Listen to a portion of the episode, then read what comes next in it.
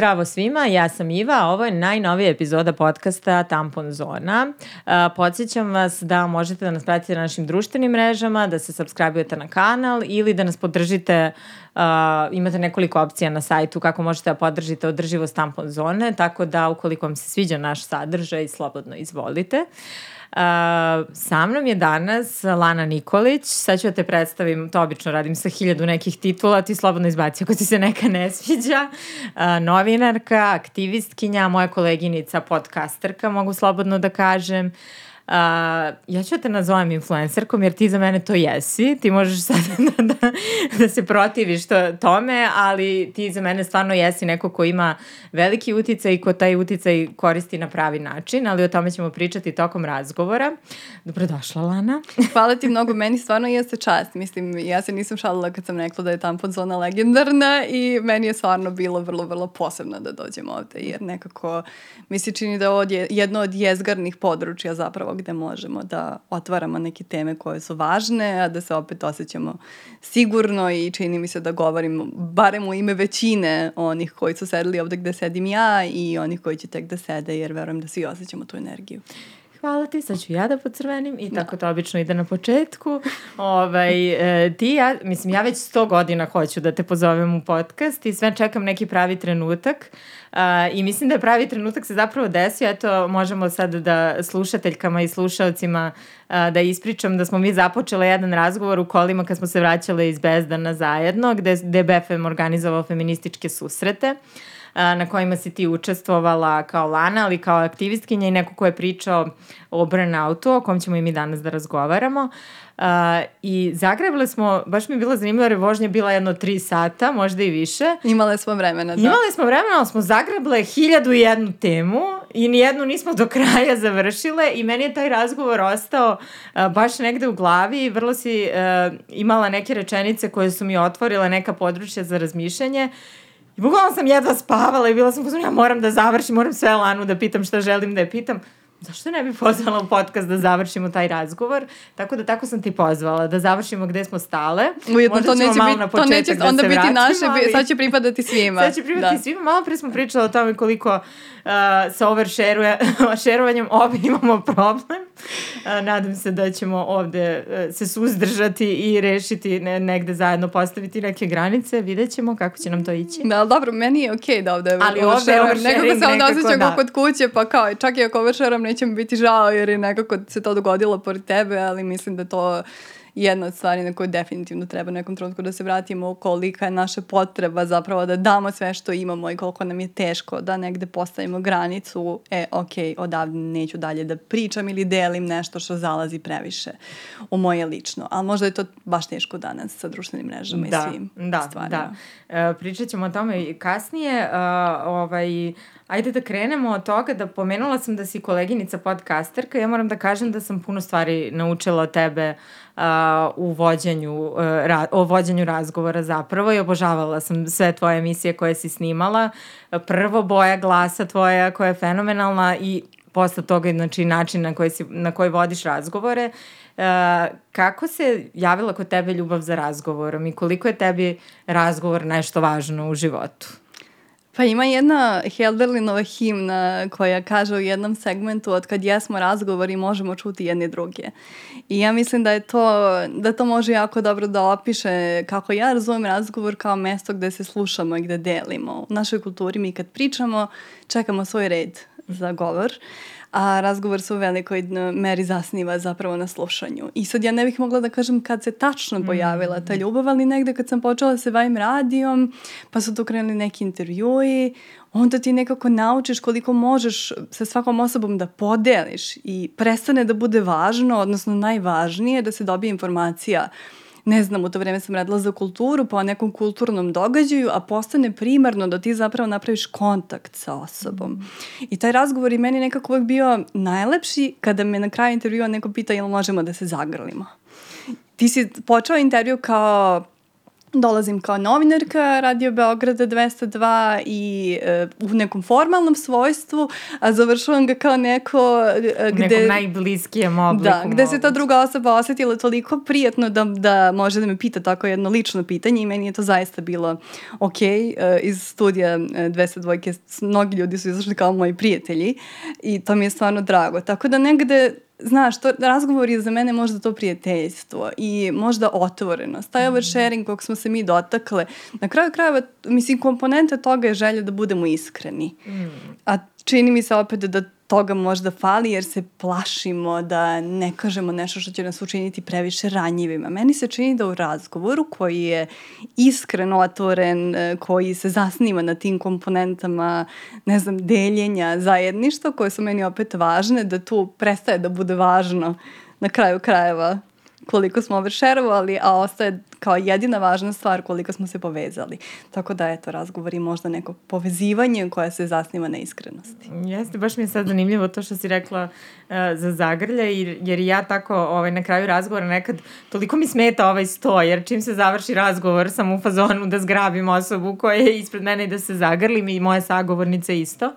Ovaj, I to jeste zapravo uh, razgovor, vidiš pokazatelj koliko samo za sat vremena ili dva sata uh, jako važno to što si rekla slušanje. Meni je to slušanje jako važno i ja sam, na primer, ušla u sve ovo zato što sam shvatila da, da imam tu super moć da slušam zapravo ljude.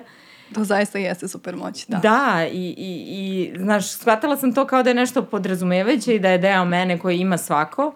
A onda pogotovo danas u savremenom trenutku čini mi se gde uh, neću da generalizujem, ali čini mi se da razgovori sve češće postaju nešto jednosmerno i čini mi se da postaju preslikano ono sad i što se dešava na društvenim mrežama, znaš, gde neko samo dođe, ispriča šta želi i to je to. Ja sam mm. primetila da se u mojim nekim odnosima i s drugaricama i uh, sa poznanicima preslikava ta situacija da ti samo dođeš da se vidiš s nekim uh, da bi sad ti samo nešto da, tu samo da izbaciš, ostavio da. i to je to. A da je razgovor zapravo nešto potpuno drugo. Da, pa to što ti sad opisao što je samo zato što smo prepuni u suštini. Mm. I zato što čini mi se da nam nedostaje pauza, što se opet nadovezuje na burnout i tu temu sagorevanja. I onda kada, ako mi sebi dozvolimo pauzu ili ako je negde iskopamo, nađemo, napravimo, onda kad se nađemo sa nekim koga volimo, možda možemo da se setimo da i toj osobi treba pauza. Ali ako smo mi kao prepunjen sud u koji je sipano, sipano sadržaja sa društvenih, društvenih mreža, sadržaja sa posla, privatnog sadržaja onoga što nas muči, onda mi kad odemo kod nekog ko nam je blizak, kao što ja evo ovde danas kod tebe dolazim, ako ja nisam se, ne znam, isplakala kod kuće ili uradila nešto drugo što meni odgovara da se oslobodim malo pritiska egzistencije ljudske, onda ja dođem kod tebe i samo krenem ovaj, sve da izlivam. Na neki način to je dobro i lepo, jer znači poverenje. A s druge mm. strane, mora malo da se vežba, da se obrati yes. pažnje na drugu osobu. Uh, spomenula si taj burnout i mene tvoje ajde, predavanje, izlaganje koje je bilo pri, poprilično interaktivno na BFM-u i izazvalo brojne reakcije, uh, dosta je ostavilo veliki trak zato što o burnoutu čini mi se da se piše i priča već nekoliko godina, ali ti si to iznala na vrlo specifičan, jedan intimni način, uh, ali si rasvetlila neke tačke o kojim, čini mi se da se previše pričalo tehnički o tome nečemu, kao da je neka vrsta uh, gripa koji se pojavi i koje možeš da izlačiš za Lepo sedam porađenje, dana. Da, da. Nešto da što kao popiš aspirin C da. i prođe burnout i ti si ista osoba koja si bio pre da. burnouta i tako dalje. Ti si mu baš lepo po, uh, posvetlila pažnju i raščlanila više nivoa uh, tog problema. Šta, šta ti je bilo važno? Ja to verujem da ti je bilo i I teško negde da prelomiš da hoćeš da pričaš o tome jeste, na taj jeste. način. Bilo mi je baš teško i mislim i sad se čudim kako mm. sam uopšte to uradila, ali opet kad sam napravila taj prvi korak onda mogu danas i ovde da govorim o tome, a mislim tamo konkretno to je bilo vrlo emotivno izlaganje koje ja teško da bih mogla baš da ponovim jeste, u da. takvom obliku. Nekom Jer je i okruženje bilo takvo da, i to su prosto atmosfera. bile žene, bila je neka atmosfera zajedništva i prihvaćenosti i ja sam se zaista ostila bezbedno da ja mogu to da kažem, jer ja mislim da je burnout kao neka vrsta stvarno velike, velike traume i da to može da se podeli samo tamo gde se osjećamo sigurno, ušuškano, gde se osjećamo da nećemo biti osuđeni. E, kad pričamo o burnoutu, apropo onog našeg oversharinga, e, u istu stvar se ulazi. Zato što ulazimo u nešto što nam je najintimnije, najteže, e, zbog čega i dalje osuđujemo sebe, zašto nisam bolje, zašto nisam zaštitila sebe, zašto nisam dala otkaz, zašto nisam, pa tri tačke. I onda kada o tome pričamo, prosto to sve krene da se izliva tako kako smo ga opisale. U toj atmosferi ja sam mogla da pustim da se to izlije, ali opet u nekim drugim situacijama možda ne bi mogla baš toliko da budem direktna. Mm. To, mislim da je to bilo pre svega vrlo, vrlo emotivno mm. izlaganje. Yes. Ne, ne bih voljela, mislim da je bilo baš toliko, ali nisam mogla nisim ni da se zaustavim jer nikad nisam o tome ni govorila, mm. osim svojim vrlo ličnim prijateljima. I onda nekako ti kad počneš da pričaš o tome šta, šta si sve uradila, mnogo je teško da ne kažeš sebi ti si kriva. Zašto nisi bila bolja? zašto nisi zaštitila sebe? Nije, nije bio niko drugi tu ko bi mogao tebi da kaže, pa i da je bio, recimo što je meni moj partner govorio, ti možeš uvek dati otkaz, sve u redu. Ti si ta koja mora da kaže dosta je meni je ovoga dosta i nije bitno šta mi dajete i koje su, koji su benefiti na stolu, jednostavno ja previše gubim u ovom procesu. Mm.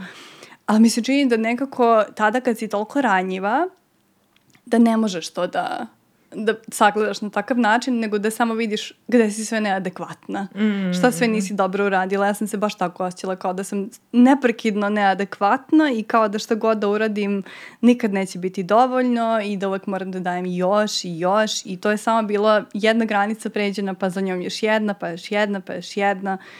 I posle toga ti više ne možeš sebe u oči da pogledaš, jer više nemaš u šta da pogledaš, sve si izdao, kao cijelu svoju ličnost, sve što misliš da jesi, više ne znaš ko si. A pritom sve vreme obeđujem sebe, ma ne, ovo je okej, okay, ovo je okej, okay, samo ti ne vidiš, ovo je super okruženje, ovo je super prilika. I postoji stalno taj pritisak prilike, o tome sam i govorila, jer kad si žena s invaliditetom ili devojka s invaliditetom ili iz bilo koje grupe koja je osetljiva, šta god da ti je neko dao kao mogućnost, ti to moraš mnogo drugačije da vrednoš ili barem društvo očekuje da ti moraš biti mnogo zahvalnija. Mi smo tebi dali priliku, mogli smo i nekom drugom kome ništa ne fali, da, da. a dali smo tebi. Šta to znači? Ne možeš da daš 100% od sebe, ti moraš dati 1000% od mm. sebe. I to je toliko uh, stresan pritisak koji sam ja negde verovatno i upisala. Ne mora da znači da je on bio uvek prisutan i da su ti ljudi zaista tako i mislili. Verujem da mnogi njih bi bili šokirani da sam i njima rekla kako sam se osjećala. Mm. Ali burnout prosto ima toliko komponenti i mislim da su u njemu specijalno ranjive žene i uopšte osobe koje dolaze iz nekih osedljivih društvenih kategorija, zato što, mislim, su se suočavali sa diskriminacijom ceo život i burnout je za njih kao neka, mislim, skoro pa garantovana zemlja u kojoj će stići pre ili kasnije.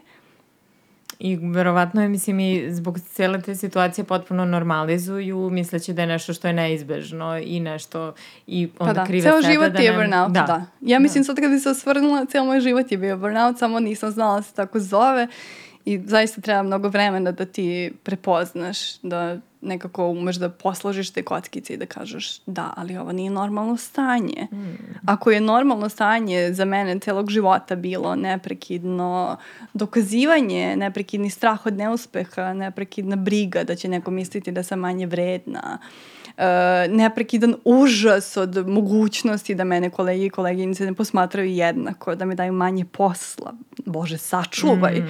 Ja ću biti tri koraka ispred, ja ću raditi tri puta više. Zašto ne bih? Mislim, to neće s polja izgledati kao tri puta više, ali u odnosu na moje kapacitete u tom trenutku to je više nego tri puta više, ali ne daj Bože da se nešto primeti. Zato je, apropo mog burnouta, moj najveći uh, uspeh bio kada sam na svoj posao otišla sa kraganom za vrat. Bila sam jako ponosna na sebe, pošto ja ovaj, krijem stalno kad nešto nije okej. Okay. I onda sam tada bila, imala sam baš veliki problem sa rukom i sa vratom, skroz mi se upalio nerv od previše posla. I, da, zamisli.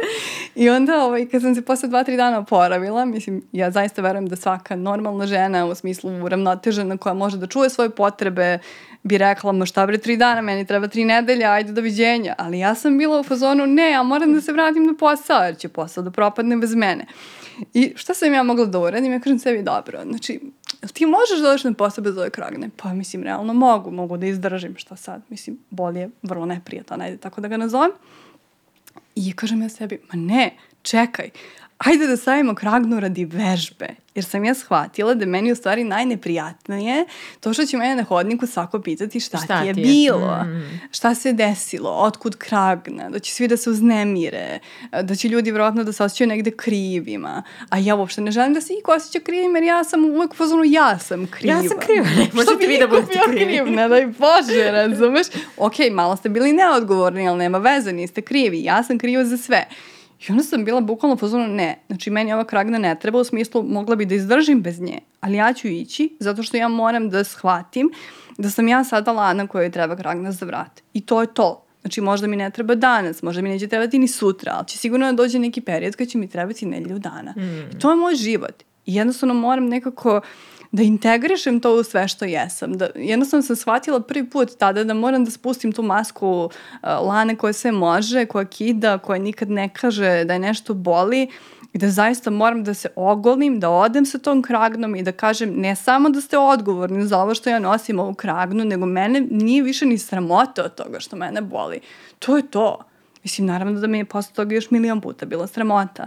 Ali taj moment gde sam ja u tom potpunom kršu u kom sam mm. se nalazila emotivno jer si strašno uplašena. Kad imaš bol, mislim, to je užasan strah. Ti uvek misliš da neće da prestane. Mislim, iako će, kao tehnički će zaista, neka će, pre, neka će se završiti ili, ili će da, bar da se smanji. Mm. Za tebe, mislim, ja, ja kad imam to iskustvo, za mene se taj bol to, to je to sada, to je moj život sada, to će trajati do veka. Mm. I onda nekako u toj situaciji samo sam bila u fazonu, ja moram sada s ovim da se suočim, ja moram da izađem tako kako ja sam pred te ljude i zaista je bilo tako.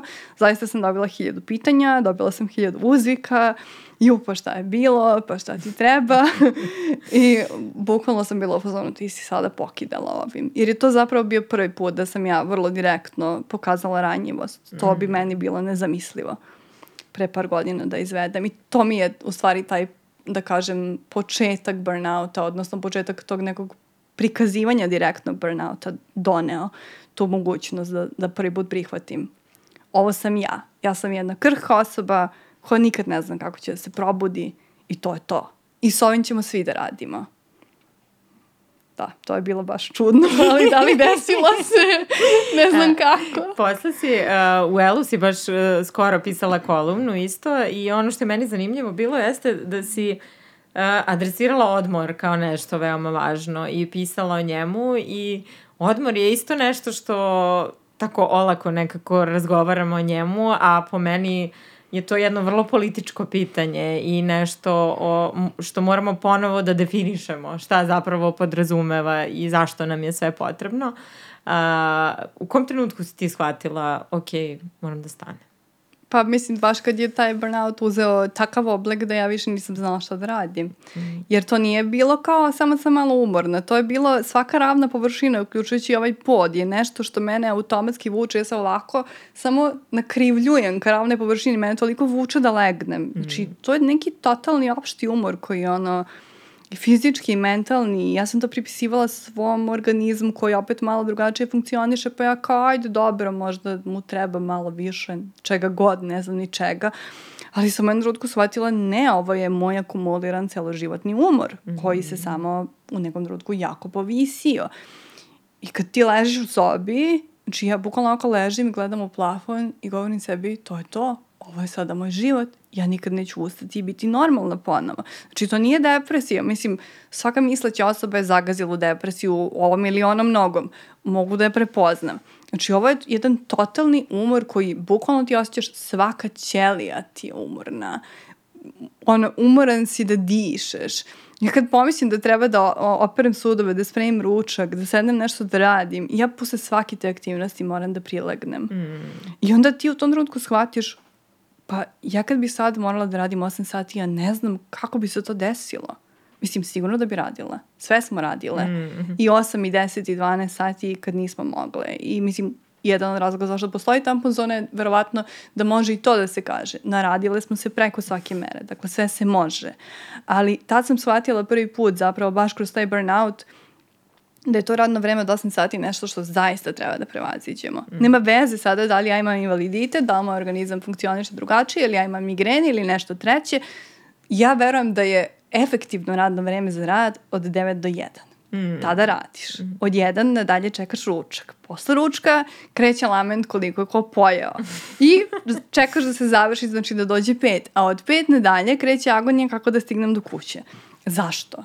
Znači, bukvalno to nikome ne treba. Dajte mi četiri sata da ja mogu da radim normalno, fokusirano, koncentrisano. Što to automatski povlači za sobom? Odmor. Mm. Znači, imaš više vremena za odmor. Odmor jeste političko pitanje i ne samo političko, nego i klasno pitanje. Zato što, mislim, određene klase društva imaju mogućnost odmora, neke klase društva nemaju mogućnost odmora. Ja dolazim iz klase koja nikad nije mogla da se odmori i to je ukodirano u moj sistem, mm. porodični sistem. Nema odmora, samo se radi. I ne radi se bilo kako, radi se maksimalno. Mm. To pitanje odmora je ključno i ja mislim da mi sada u kapitalizmu uh, i u tim, uh, kako da kažem, oblicima kapitalizma, kako se on kod nas manifestuje, kako mi njega živimo, pa na kraju krajeva kako ga živimo kao žene, na kojima se zaista prelama ogroman deo tog kapitalističkog narativa i uh, radnih prava koje su kršene neprekidno. Uh, to pitanje odmora će postati, e, postajeći sve važnije i važnije. I morat ćemo da odgovorimo na njega. Jednostavno će nas životne okolnosti naterati. Ja sada mislim da ako bi neko rekao je moraš da se preseliš, ne znam gde je ono. Jer to je jedini način da radiš ta četiri sata, ok, idem. Mm. Jer moje telo više ne može. Ali moje telo više ne može jer je dovedeno do te tačke. Ja sam ga dovela zajedno sa celim tim sistemom do tačke da više ne može. I ja ne želim da i jedna žena, da bilo ko ikada dođe u stanje da leži u krevetu u sobi i da kao zdrava sam, kao načelno, da izuzmemo sve stvari koje ne funkcionišu kako treba, ali ja ne mogu ništa. Mm. Kako se to desilo? To ne treba nikom nikad da se desi. To da, je prosto ne nedopustivo. Da, da dovedemo sebe u to stanje. A mislim da se prečesto dešava i da je prerasprostranjeno. Ovo za odmah što si rekla, ja sam baš skoro uh, krenula da promišljam koliko je to zapravo važno i uh, krenula sam da kao pozdravnu reč sa svim ljudima sa kojima završavam razgovor ili ono pozdravi želje čestitke na kraju, samo da kažem, a samo se dobro odmori. Znači, da, to mi je to postala je to. glavna želja za sve, ono, to želim svima za novu godinu za 8. marta, ono, to, počela sam jer sam shvatila koliko to uh, uh, koliko ne znamo šta zapravo znači odmor u pravom tom smislu reči. Potpuno se izgubilo i ovo što kaže za 8, radnih 8 sati uh, potpuno se slažem i mislim da uh, ja sam eto isto neko ko je rekao ne tom prevaziđenom radnom obrazcu i radnoj etici, naročito za naše neke kreativne poslove gde apsolutno nije važno da si non stop tu prisutan i da non stop čukaš za kompjuterom, jer ne možeš 8 mm, sati da proizvodiš ne, nema šanse.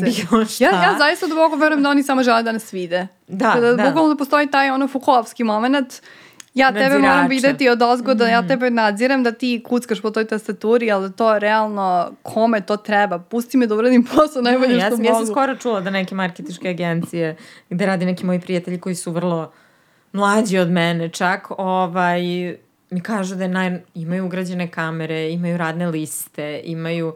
Samo znam, če, ne razumem šta se postiže time.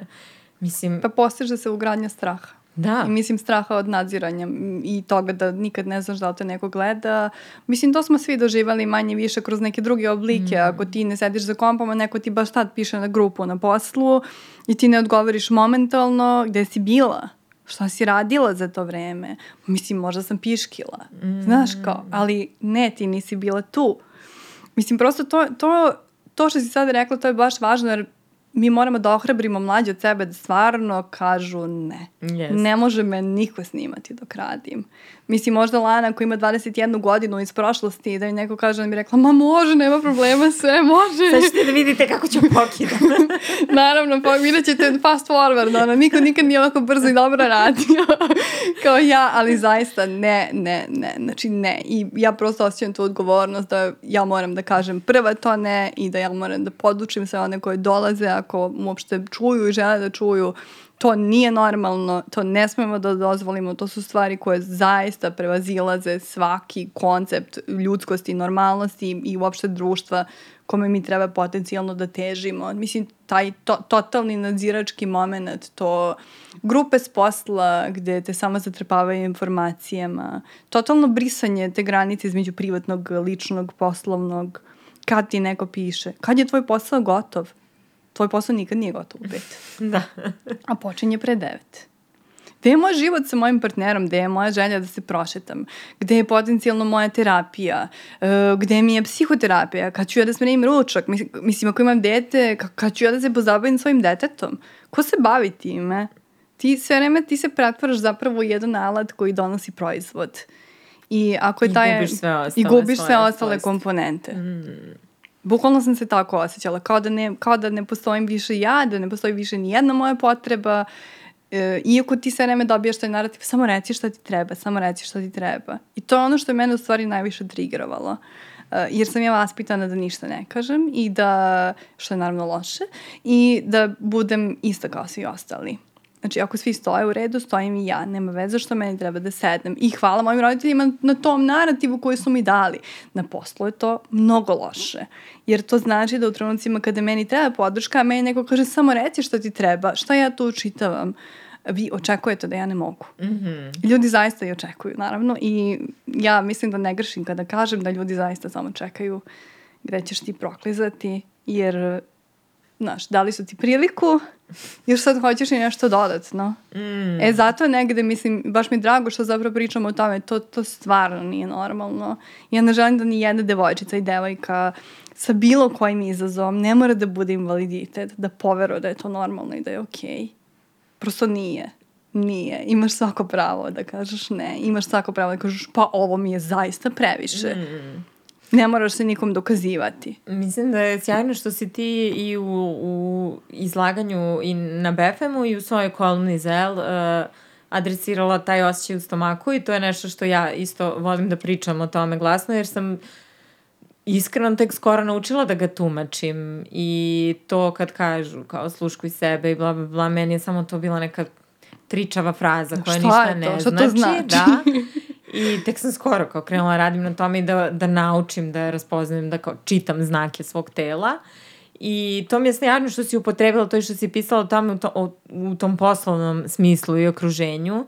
Zato što mislim da se baš često naviknemo na te loše znake mm. iz tela na poslu i tumačimo ih kao nešto najnormalnije. Idem na posao, pa normalno je da mi je muka ili da, da, da mi je da. ono, imam knedlu u grlu ili ne znam. Više ni ne osjećaš. U stomaku, to ti je najnormalniji osjećaj koji prigrliš povezujući ga sa poslom, da. misleći da je nešto što moraš da osjećaš kad si na poslu, a zapravo ne, to je jedan veliki znak uzvika. Da, to su baš, mislim, te somatski ti elementi koje sam isto ja morala, to je meni isto bilo, ma šta bre izmišljaju, šta ja sada da osjećam svoje telo, šta da bre osjećam, sedi zna? radi, razumeš, nemamo mi vremena da osjećamo svoje telo, daj što treba da se odgovori na mail, mislim, ja sam stvarno shvatila to u nekim trenucima kada sam počela zaista somatske probleme da mhm. dobijam od stresa koji nisam nikako znala da adresiram.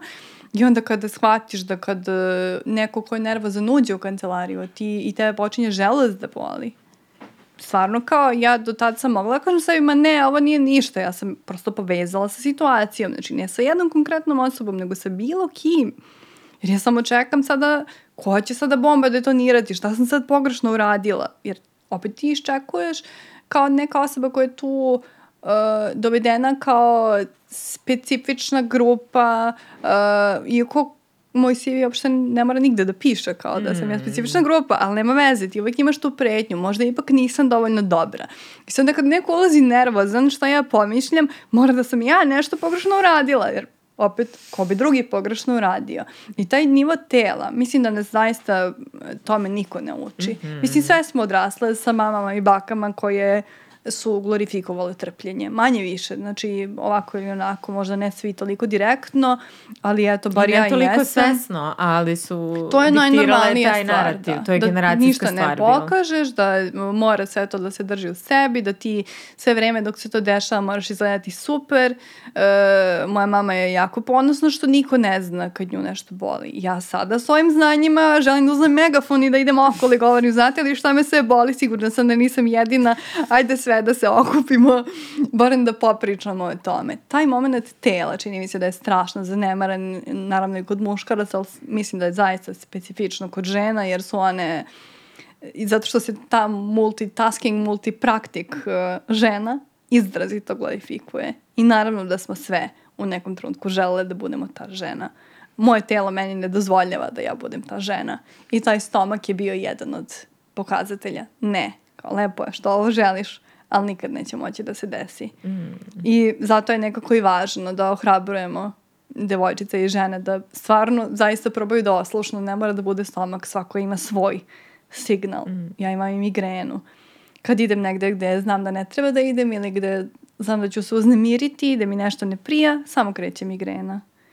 I onda ja ispregovaram kao sa malim detetom, ej, znam da ti se sad ne ide, ali kao, ajde samo malo, ne znam, bit će vam pola sata. Kao da imam malo dete i onda...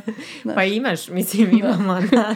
Da, I super je da se vode ti razgovori sa sobom i malo Mm. Tek pre sad, smo i da. pričale e, koliko je nekad dovoljna samo jedna sekunda koju ćeš da posvetiš sebi i da nešto izbrainstormuješ sam sa Da. sobom i da bi napravio nešto što stvarno želiš da uradiš. Da zastaneš. Samo da ukratko, zastaneš i da usporiš, to je veliki izazov danas. Verujem da je sve i ubrzano i jako hitno.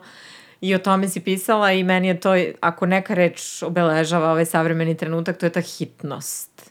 I to je nešto sa čime ja još uvek učim da se nosim, naročito kao neko ko je sad i ti i ja se bavimo negde javnim poslom i, i, i kreiramo neki sadržaj na društvenim mrežama i sve to i znaš kako je tamo vreme nepostojeće i sve je Da, stvar vreme je trenutka. nepostojeće, da. da. I ta, ta, moramo da naučimo samo da usporimo i da nekako ne pokletknemo pred tom atmosferom hitnosti, ja mislim. Ali to je, to je stvarno teško. Stvarno je Jest. teško. I baš smo razgovarale, mislim, i u pripremi za ovo, što više imaš odgovornosti, bilo čime da se baviš. To je veći teret na tebi. I na meni, na bilo kome ko se bavi, mislim, javnim govorom. Ti nemaš privatan život. Mislim, tehnički, naravno, nas da imamo privatan život, ali svaka tvoja reč, sve što ti kažeš, e, kako istupiš, kako se odnosiš prema nečemu, sve se meri mnogo strožim maršinima nego što bi za nekog drugog. A, a pritom se dešavaju situacije koje idu određenom brzinom, svojom brzinom, kao što si sama rekla, nema, ne postoji vreme. I ti onda u, toj, u tom trenutku moraš svo znanje koje si prikupila da upotrebiš da bi donela pravu odluku, jer treba da doneseš u sekundama. Da li se ovo deli ili se ne deli? Šta će biti ako podelim, šta će biti ako ne podelim? Šta će biti ako mi neko pošalje apel za pomoć, a ga, ja ga nisam podelila? Sam ja loša osoba zbog toga? Šta će to da kaže toj osobi o meni? Šta ako sam loše uticala? Znači to ide sada do beskraja, overthinking i nazad. Mislim, Znači, ovo mi je kao da pričam sa sobom, hvala ti. šta će biti, znaš, mislim, šta, kako će ljudi to protumačiti? Kako sam postavila ovo, nisam ono.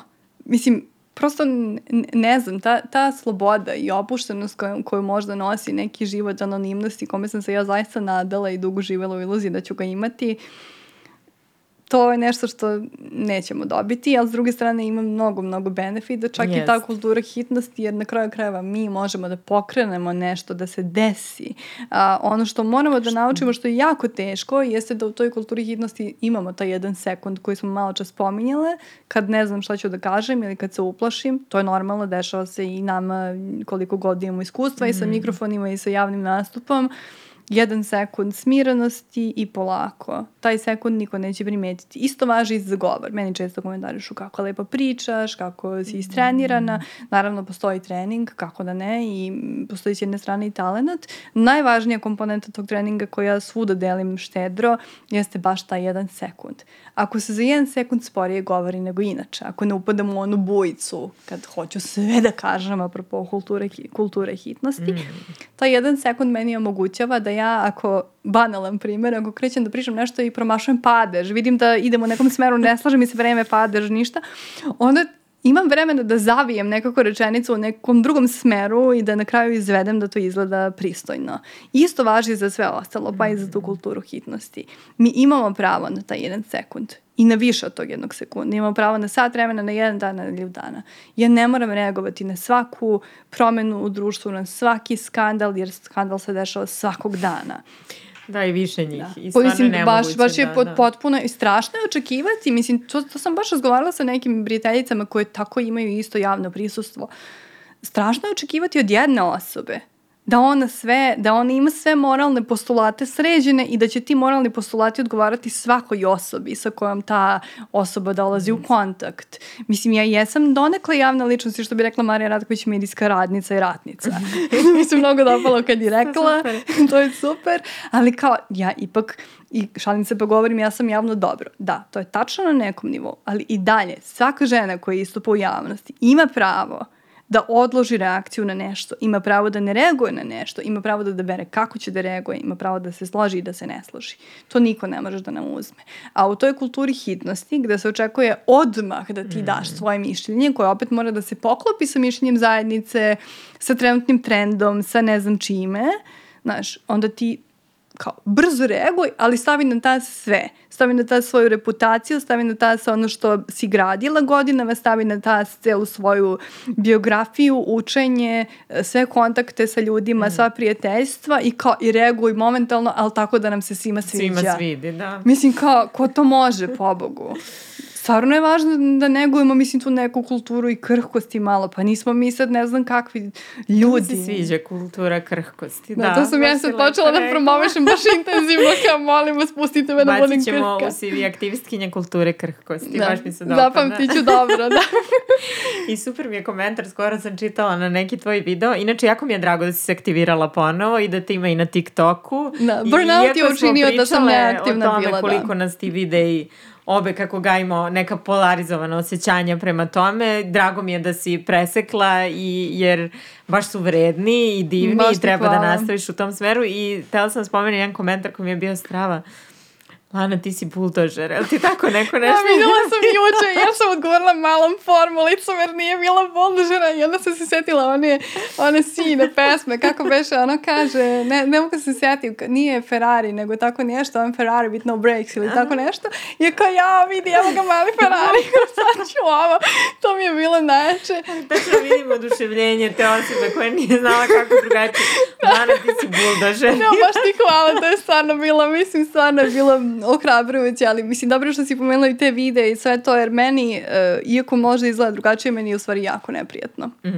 Jako mi je neprijatno, jako sam uplašena, sve merim pet puta, užasno sam zabrinuta kako to ljudi mogu da protumače, da li to može nekog da ošteti, to me mnogo više brine nego kako će da protumače.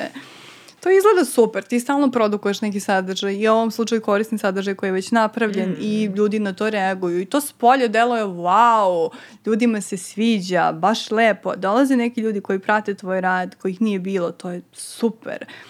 Ali taj stres, to osjećanje da si ti u stvari sve pogrešila. Ja nekako imam taj osjećaj kao da ja samo želim da se ovako skupim, kao možda ovo ipak nisam ja. Da. Šta je ovo? Da li sam ja nešto pogrešno uradila?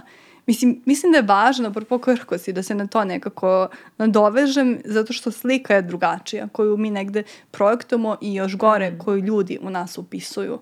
Ja verujem da mnogi ljudi upisuju mene neku hrabru, jaku ženu koja kida, koja se ničeg ne plaši. i da. Prepuno samopouzdanja. Gomila ljudi mi je rekla, pa mi smo mislili da si samopouzdana. Pa kao, kao, pa mislim, jesam, ali većinu vremena nisam. Većinu vremena zaista promišljam svaku stvar 50.000 puta. Većinu vremena se pitam da li sam ja u stvari zaslužila svaku stvar koja se meni nalazi u CV-u. E, Gde sam sve greške napravila, pitaj Boga, razumeš.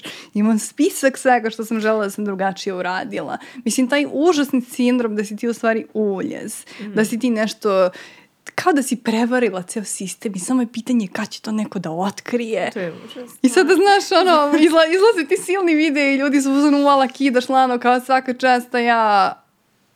Jel me neko provalio? Ili mi neka, čak i neki ljudi su mi pisali na TikToku, to mi bilo mnogo smiješno, kao, ah, kao, provalili smo te mi, samo se praviš kao da si, ono, cool, tako nešto. Mislim, ja kao, ja gledam one komentari, bukvalno sam pozvano, liče, ali zašto si ovde? Mislim, ne razumem. Mislim, ali i taj TikTok i te društvene mreže i to što sam na kraju presekla, zapravo da se tamo pojavim, to opet vraća na tu temu burnouta. Mislim, ja sam bila toliko iscrpljena da nije bilo šanse. Mm. Nije bilo šanse. I onda kad se dogodio taj podcast koji je sve nekako pokrenuo kod Ane Kalabe, onda sam ja nekako osjetila, e, ajde sada reci ovo što si rekla ovde ljudima, zato što ljudi realno mrzi da odu na YouTube. Meni je to i dalje da. strašno, ali dalje ljudi mrzi. Isto, ali da, da. Nema veze, evo dalje da... pričaju da su slušali podcast, a odslušaju jedan video iz a, podcasta. A, kao... minus, minus. Da, ispitivat ćemo. da, morat ćemo da ispitujemo. Mislim, i super je što se to pomenula, jer to je važno nekako da, da podsjetimo ljude koliko god je hitno, brzo, koliko god imamo pritiska. Zaista moramo dati sebi sat vremena presl da preslušamo taj podcast. Ne moj, nego bilo čiji, bilo šta što nas možda bilo negde koji, dotiče. Bilo koji dug format, znaš, ne možemo...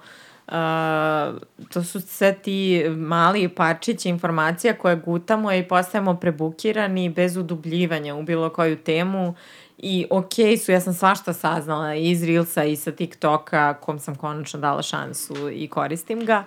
Ali jednostavno da znamo da iza toga postoji nešto što stvarno treba konzumiramo sa potpunom mm, pažnjom. Mm, zaista ti ljudi zavređuju pažnju. Zanima, da. Mislim, kol koliko truda je one to, bilo šta u taj razgovor, u to što mi iznosimo o njemu, zašto, zašto ne bismo dali tome priliku, ali zaista nemamo tih sat vremena.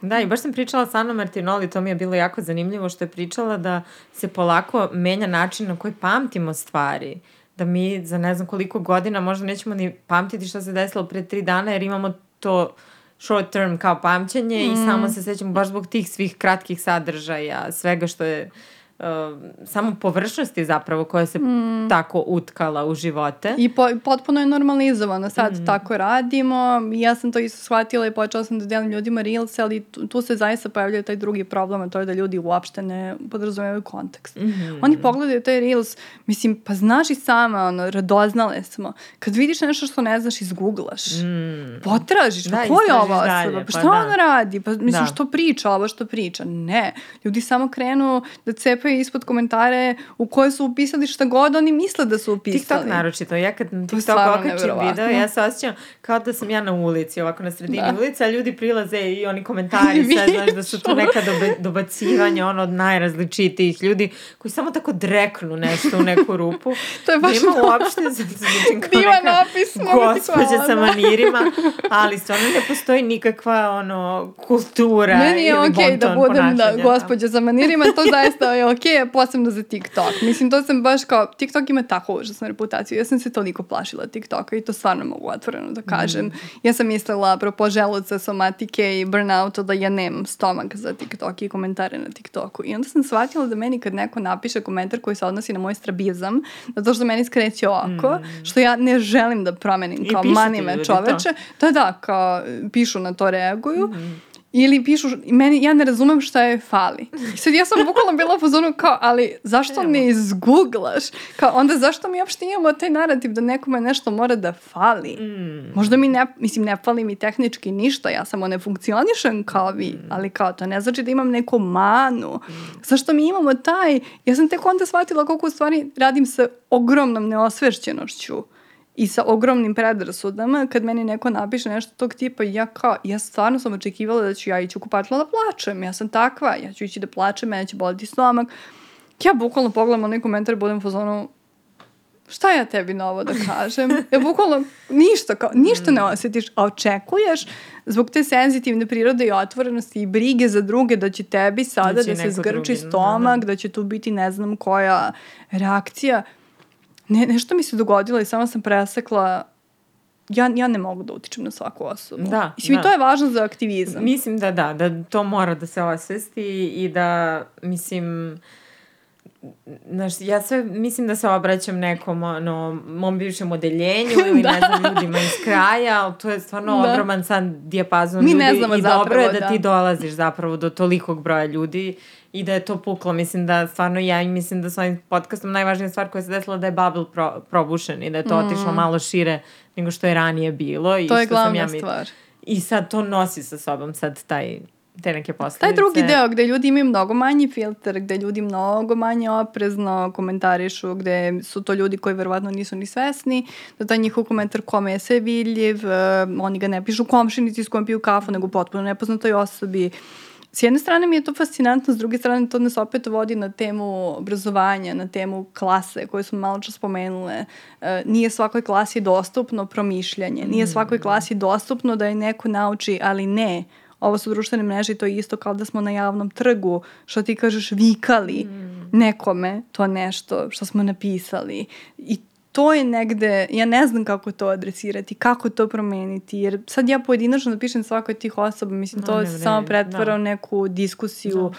Čak ja su... brišem baš dosta, moram da ti priznam. E, da, sad sam baš htjela da pitam. Ja se uvijek osjećam krivom, kao kad, kad hoću da obrišem. to je moj prostor i sve što me uznemiri, uznemiri me na tip pa mm -hmm. dve, tri sekunde, ali ga obrišem i pravim se da se to nije da, desilo. to je baš lepo i uhrabrujuće za mene, pošto sam uvijek imala to ne, ne, kao to može ja da ostane. Ja sam imala i sloboda mišljenja, neka se da, sloboda ne. mišljenja, ali baš danas sam dobila komentar koji se odnosio, mislim, ljudi su iskupali neki video koji sam ja snimala kad je bio Pride prošle godine, Aha.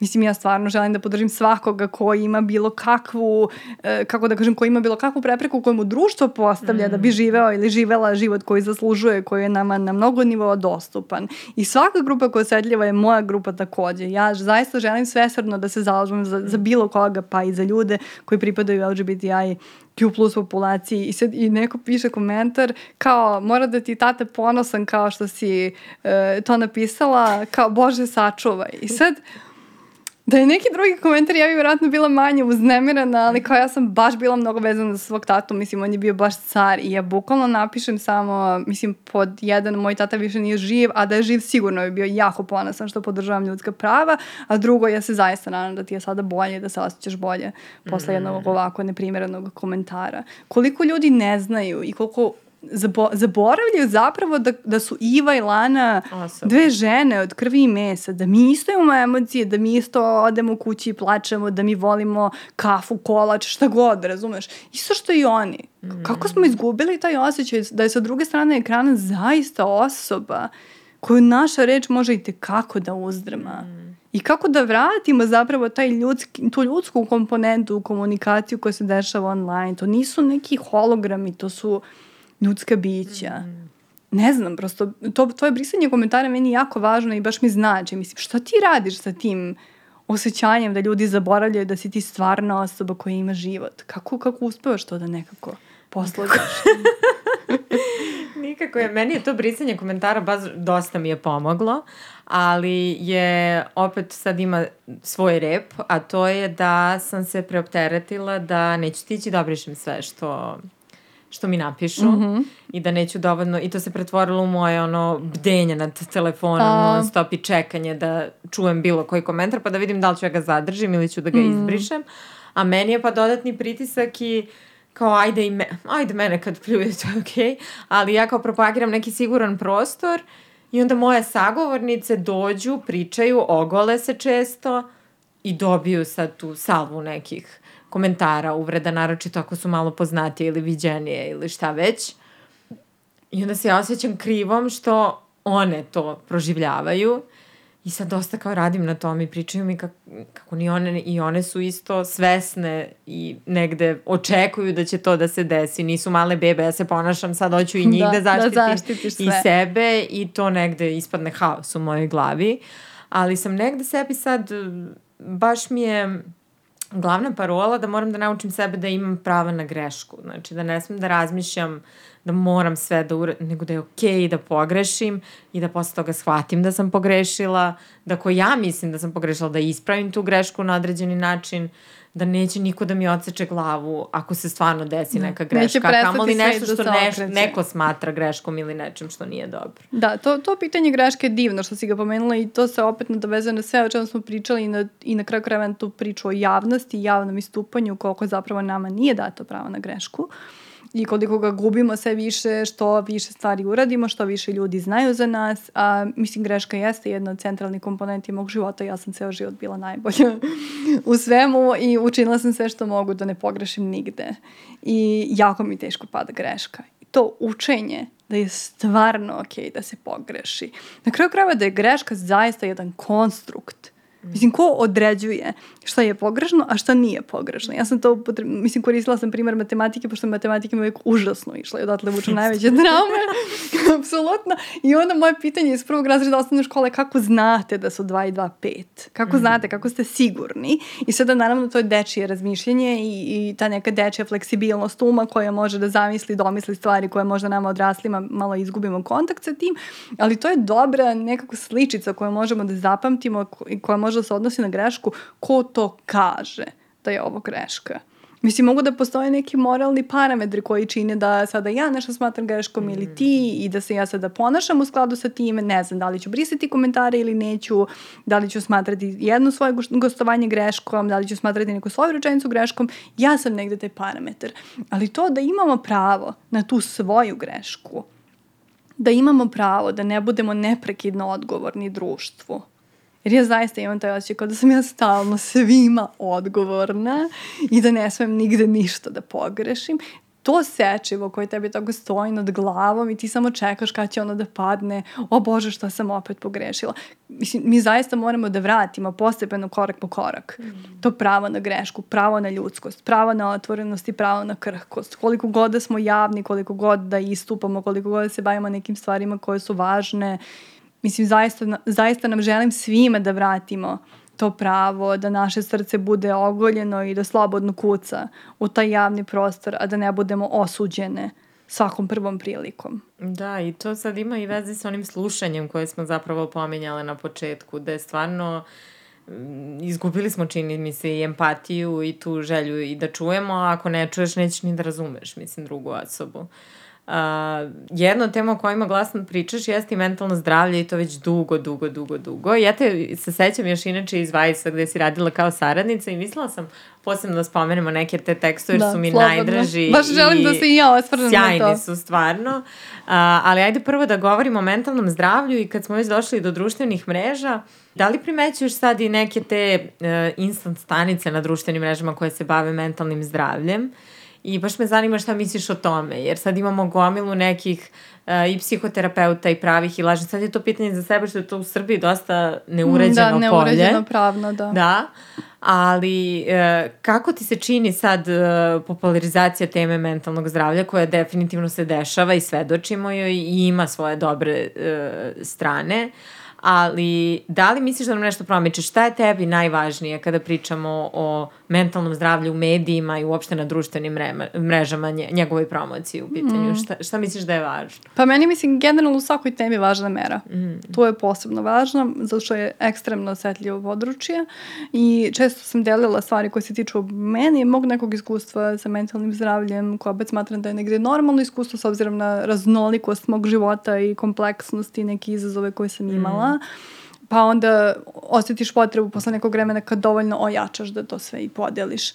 Ali to je stvarno jako klizav teren jako klizav i ja se uvek strašno brinem kako će to ljudi protumačiti, kako će se osetiti. Često mi ljudi pišu da me pitaju za savet, za psihoterapeuta. Mm. Čak i sada, mislim, iako u poslednje vreme baš nisam govorila direktno o mentalnom zdravlju, uh, Uh, ja se tu uvek zaista mnogo uplašim. Mm. I bez obzira što ja kao njima vrlo staloženo, lepo, blago i toplo odgovorim. Da, ali ti svoje, iz pozicije to radiš baš, mislim, sa merom. Da, da, ja, ali ja treba, zašto se jako ali, bojim. Po, da, da, postoje sad ovi profili koji su nastali kao zbog toga i Znaš, mislim to me da iskreno jako da, plaši. Da, da. To me iskreno jako plaši, da. zato što čovjek koji je u nevolji, koji je mm. u nekom bolu, ne može on da tumači tu, opet se vraćamo na pitanje klase, da li nam je data mogućnost, da li su nam dati alati da mi tumačimo kvalitet nečega i na osnovu čega. Lako je meni da tumačim kvalitet posle sveg iskustva koje imam u medijima, imaš, mm. studijama, čemu god, razumeš.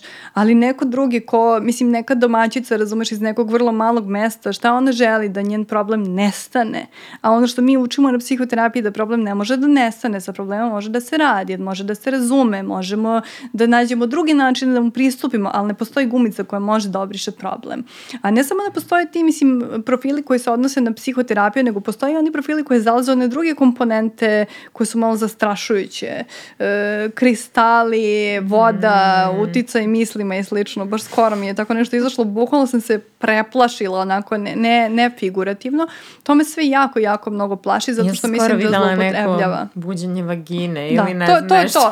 Onda one trave za matericu, ono kad, kako, onaj dim, ne znam kako se to zove. Mm. To su stvari koje su me stvarno duboko potresle zato što, mislim, prosto svaka, svak, svaki taj profil na društvenoj mreži koji targetira ljude koji su ranjivi, bolesni, uplašeni, imaju bilo kakav e, izazov u tom trutku sa mentalnim zdravljem. Mislim, to su najranjiviji ljudi, njih treba najnežnije da prigrlimo, a ne da im dajemo instant rešenje ili da im govorimo, evo ja ću sad da ti kažem kako se ovo radi. Popularna psihologija je isto opasna.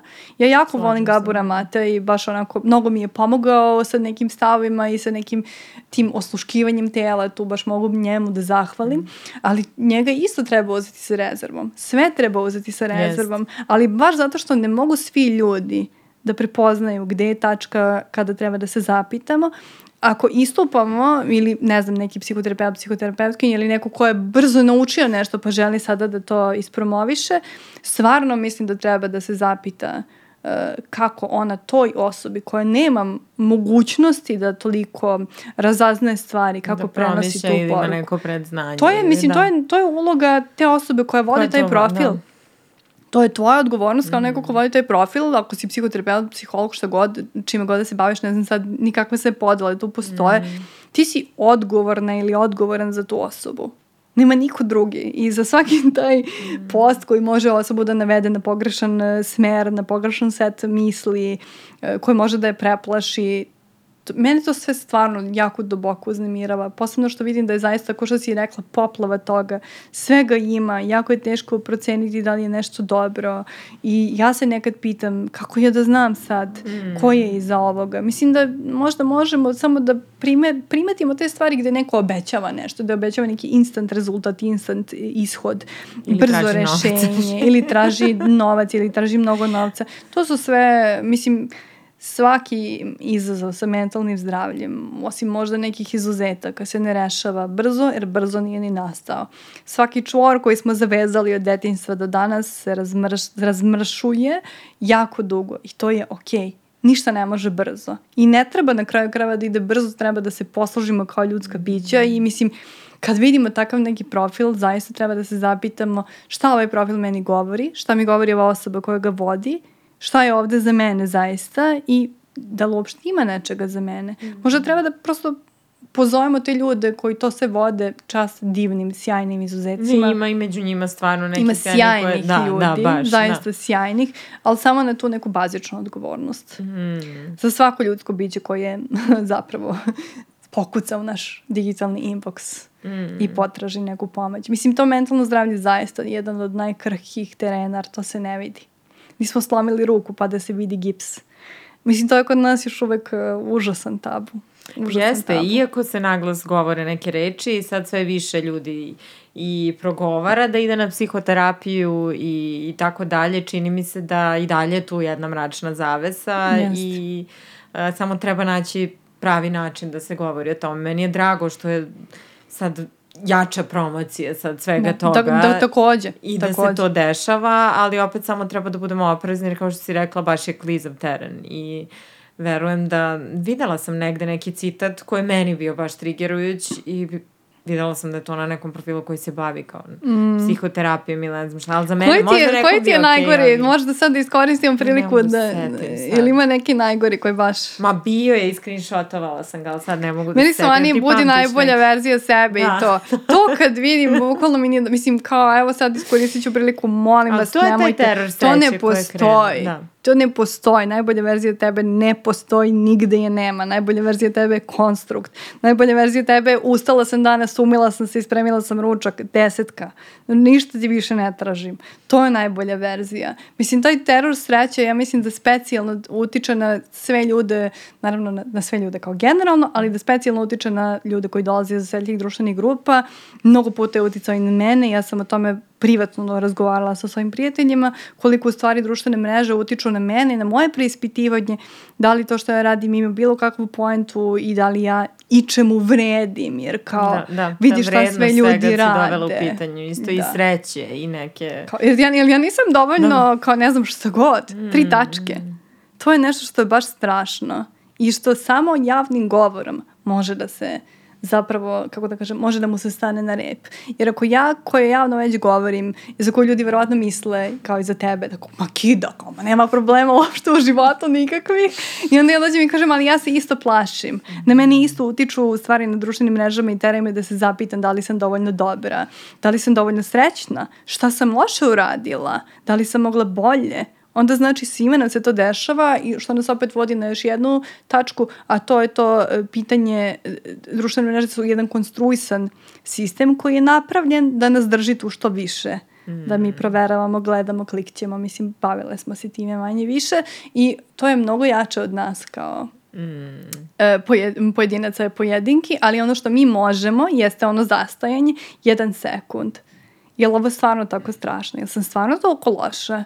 Jel moguće da, pa što, a što ja mislim da je ova osoba bolja od mene? A šta znači bolja? Mm -hmm. Ja sam često pitala sebe u tim nekim trenucima kada sam bila u najvećim krizama, baš u burnoutu, užasnom, i onda u strašnoj krizi uh, da, nikad, da mi nikad neće biti bolje, da nikad više neću raditi ništa i da nikad više neću napisati ni jedan tekst, jer sam zaista bila u takvom stanju.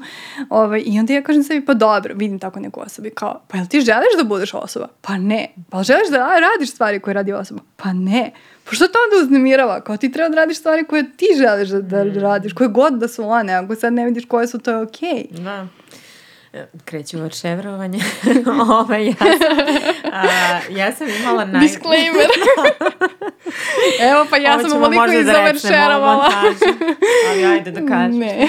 ovaj, meni je najgore bilo posle porođaja, na primjer, nisam radila, e, nisam bila u telu koje se meni dopadalo, potpuno sam, dobila sam neki novi identitet, novu ulogu za koju nisam znala ni da li sam spremna, ni da li umem i tu sad, to je sad pregrš pitanja sa te strane. Uh, a nisam pisala, nisam bila radno aktivna, mm -hmm. što da, sam da. navikla da budem i to što si rekla, nisam bila prisutna nekako, znaš, ljudi su mm. konzumirali neki drugi sadržaj, ja nisam bila tu. To si baš dobro rekla. Da, da. i onda mi je, tad sam se baš osetila, kao da li ću opet raditi ikad nešto. Da li ću se ikad da vratiti. Da li ću, ljudi da. će me zaboraviti. Svi će me ja ću zaboraviti da. da radim. Ja sam izgubila sad veštinu koju sam imala, ona je sad nestala.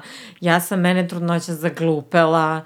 Ja sam, ja sad razmišljam samo o nekim stvarima koje su vezane za dete. Meni će to da istrošimo intelekt, sve stvari koje sam znala, to će se da nestane i tako dalje. I onda sam krenula to, društvene mreže, sad užasno što ću ovo reći da je sreća što je bila korona tada, ali nisu se ljudi mnogo kretali. Da, da, pa da, ni, bilo je drugačije. I, I svako je negde bio izolovan kao što sam i ja bila izolovan u tom trenutku, ali sećam se da sam gledala to. Uh, mislim da sam čak googlala ko se porodio kad i ja od influencerki išla na njihove profile da vidim kako sad izgledaju, da, šta rade, kako kila imaju, kako, znaš, i tako dalje. I tu je baš bilo prisutno to upoređivanje. Iako, uh, bilo mi je porazno što sam ja te, sebi to dozvolila. Da, isto to. Jer sam mislila isto. sam jača od toga. Da, baš sam se osjećala posramljena. Koja si bednica, kao, znaš, dozvolila si ovo. Baš kao, baš samo sebe posramiš. Da. Umesto da. da podržiš samo sebe, onda kao još na to sve dalje još i postramiš. Mislim, to što ti, si ti sad opisala, ja sam ostila u burnoutu. Mm. Ja nisam dobila dete, ali mene moje telo potpuno izneverilo, mm. ja nisam znala šta mu je, niti kako da mu pomognem i mislila sam da se nikad neću vratiti na profesionalnu scenu i meni bi bilo nezamislivo pre godinu dana da ja vodim s ovaj razgovor, jer bi ja posle njega verovatno morala duže vreme da prilegnem. Znači, mislim, to su, to su toliko normalne stvari da nam se dese ono što je strašno je što je nas društvo toliko uslovilo, toliko nas je naučilo, da kad se tako nešto desi, umjesto da kažem, ej, kao sve je okej, okay, baš si pokidala, ovo je stvarno bilo baš teško iskustvo, normalno svako bi se zaklimao iz ležišta, ne, kao kako si mogla to da uradiš? I onda kao posramljam sebe neprekidno. To je stvarno mm. nešto što, što treba podeliti, što treba nekako kazati i drugim ženama nevezano za roditeljstvo, nego za svaki drugi segment. Da li sam ja dovoljno dobra radnica? koja će da, da. Ka, to je to što si ti rekla, da sam ja sad zaglupila, ja sam se zaista tako osjećala, to je to, ja sam burnouta, ja sam sada glupa, ja ništa ne znam. Ja sam uhvatila sebe, evo, sad ću ja da dam svoj doprinos ove sharingu, ovaj, poslala sam neki jako važan projekat baš za podcast mm -hmm. i uh, ostavila sam uključene track changes. To je ono što u Wordovom dokumentu za ljude koji ne znaju, uh, bukvalno se svaka izmenica koju smo napravili vidi, ukoliko se to ne isključi, ta osoba će da vidi svaki zarez koji smo mi obrisali. E, ja sam takav dokument poslala na jako važnu adresu, nisam to znala. Šta je bila moja rečenica kad sam to otkrila nekoliko meseci kasnije? Do sad smo samo mislili da sam glupa, a sad imamo i napismeno.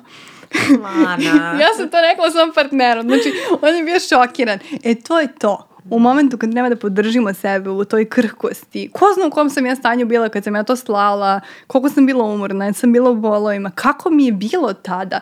Ja to sve otpisujem i sve što vidim je ta užasna greška, ta nepodobnost, kako sam mogla bolje, a nisam, kako sam mogla da dozvolim sebi ovo. Znači uvek ide taj teret na mene i samo na mene, a ne treba tako da bude. Pa šta, pa uradila sam najbolje što sam znala, to je to, otišlo je tako, taman su mogli da vide ceo proces, da se prekrste levom i desnom i da kažu mi s ovom ženom ništa ne želimo da imamo ili da kažu ovo kida, da. ovo je baš hrabro. Znači, mislim, uvek postoje dve strane, uvek postoje dve strane i tu mi je psihoterapija pomogla samo s tim jednim pitanjem, što može možda da pomogne i apropo činstva i svih tih nekih ranjivih trenutaka i mog burnouta i uopšte kao mog odnosa prema telu, a to je to što je mene moj terapeut naučio šta je, šta je drugo od ovoga, šta je suprotno od ovoga. Jer sam ja uvijek imala to, kao, znaš, bit će strašno, bit će ne znam šta, moram da se pripremim, moram imati ono plan B, C, D, celu abecedu. I onda meni kaže, pa šta je super, šta bi bilo suprotno od ovoga? Ja kažem, pa ne znam, ne znam. I sada, apropo tog posramljivanja, samo da uvežbamo tu drugu stranu. Šta je suprotno od posramljivanja? Šta je moj maksimum? Ne moraš ti sad reći, uj, ovak kidaš, idemo sad na sladoled, znaš. Ali samo kad vidiš da to radiš, onda možeš sebi reći, pa dobro, mislim, dosta sam se grdila, ajde sad malo da stanem. Mm. Koliko god da je naše zalaženje u taj suprotni segment, to je okej. Okay. Ali je mnogo važno da to vežbamo i negujemo, jer već postoji dovoljan teret koje nam je društvo nametnulo, koje nam je zaista ta tradicija nametnula, koje smo od majki dobile, koje smo dobile od baka, koje smo dobile od cele sredine, u najrazličitijim segmentima mm. života i neko mora da kaže dosta ok da to budemo mi, uvek se tešim time, ne moram ja da vidim rezultate tog mm. mog dosta, ali neka vidi, ne znam, tvoje dete, moje dete iz budućnosti, naši unučići, super, ja sam srećna. Samo, mm. evo, mi smo sada rekli dosta i idemo polako ka tom ostvarivanju tog dosta, što se dešava svakog dana.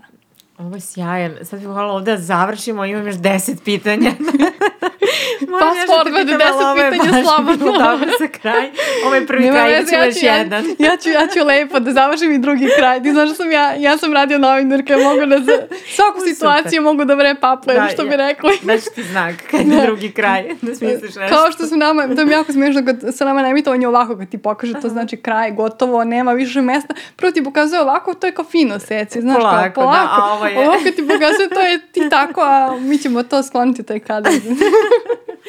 a, ovaj, baš mi je, toliko mi je sad vredno ovo sve što si ispričala i verujem da će biti uh, još nekom. I sećam se da i kad smo pričale ranije da smo uh, pričali o tome koliko je važno da ta neka osoba bilo koja iz našeg okruženja bude neko ko će u nekom trenutku da nas potapše po ramenu što nije lako i nije lako sad da neko razazna šta sve nama prolazi kroz glavu, da li nama sa imposter sindromom ili uh, ne znam, bilo kom ko je trenutno u nekoj svojoj dubio, dubiozi da, i sumnji u sebe, god, da. da.